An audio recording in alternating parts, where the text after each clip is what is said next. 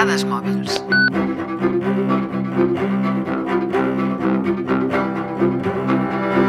Cada dia que passa inventen alguna cosa nova, nous aparells, noves modes, nous comportaments, eh, noves begudes, i com que tenim la mania de posar nom a les coses, cada any hem de memoritzar nous termes. Millennials, eh, Tinder, hashtag Candy Crush, Insta, selfie... Eh, Per sort podem anar oblidant les antigues com fax o fondue.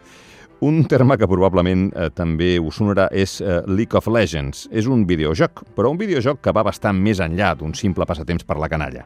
Tant és així que, per exemple, a Corea del Sud té un canal de televisió propi on tot el dia emeten jugades, notícies i noves tàctiques. I el govern coreà té també una entitat dedicada a aquest tipus de videojocs, coneguda com Associació Coreana d'Esports Electrònics KESPA. El League of Legends és una de les estrelles del que s'anomena eSports, grans competicions organitzades de videojocs multijugador professionals. És una imatge que haureu vist més d'una vegada milers de joves i no tan joves, asseguts un al costat de l'altre en pantalles d'ordinador, capficats en el seu món, movent el mouse i teclejant amunt i avall. Els gèneres de videojocs més habituals són els d'estratègia, lluita i acció en primera persona, tot i que també hi ha els d'esports tradicionals com futbol o bàsquet. Algunes de les competicions més conegudes són la League of Legends World Championship o la Counter-Strike Global Offensive, però n'hi ha moltes més. Eh, A les competicions hi participa gent de tot el món. És tot, tot un fenomen. I per entendre la dimensió de la paraula fenomen, en aquest cas, eh, només cal que us doni una dada. Les audiències d'aquestes competicions superen els 32 milions de persones, per sobre del que aconsegueixen les finals de l'NBA o la NFL.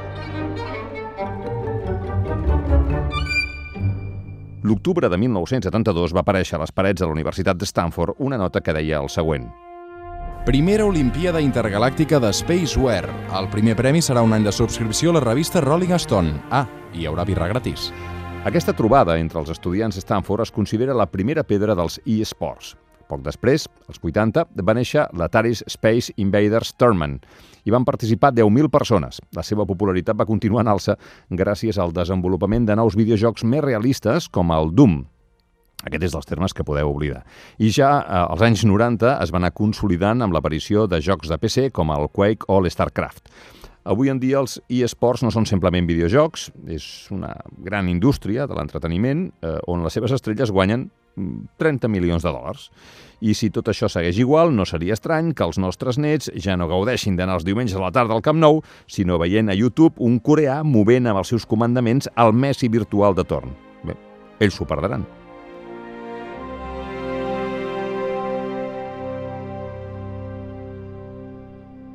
Dades mòbils.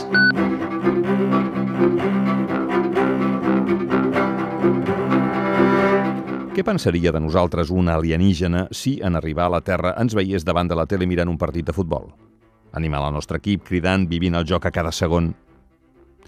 Doncs probablement pensaria el mateix que molts de nosaltres en saber que n'hi ha alguns que segueixen amb la mateixa intensitat competicions de videojocs. O sigui, jovenets pitjant frenèticament botons de comandaments a distància. Una pràctica que, d'altra banda, i segons la perspectiva, pot sonar tan ridícula com un home corrent darrere una pilota.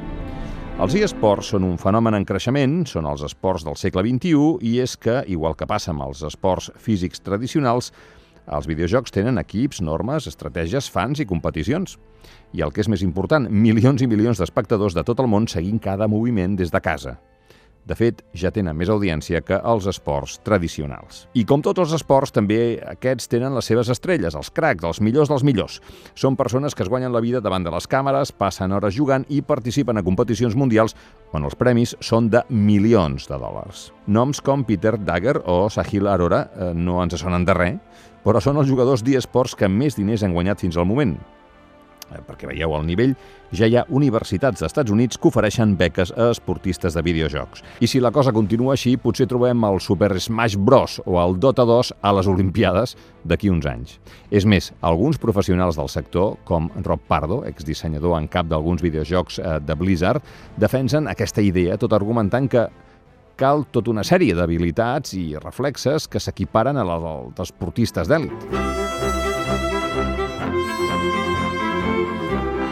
Un altre fet que demostra que la cosa va de debò. Una de les lligues més importants, l'Electronic Sports League, començarà a aplicar test de dopatge abans de les competicions. Això mm, surt perquè alguns jugadors van confessar que van prendre fàrmacs amb recepta mèdica per millorar la concentració. És difícil que els e-sports substitueixin els esports tradicionals, però ben cert és que el seu èxit és cada cop més gran i no hi ha qui pari el fenomen. Per cert, una altra cosa que pensaria l'alienígena veient jugar Messi. Coi, no sabia que ja havíem arribat a aquest planeta. Música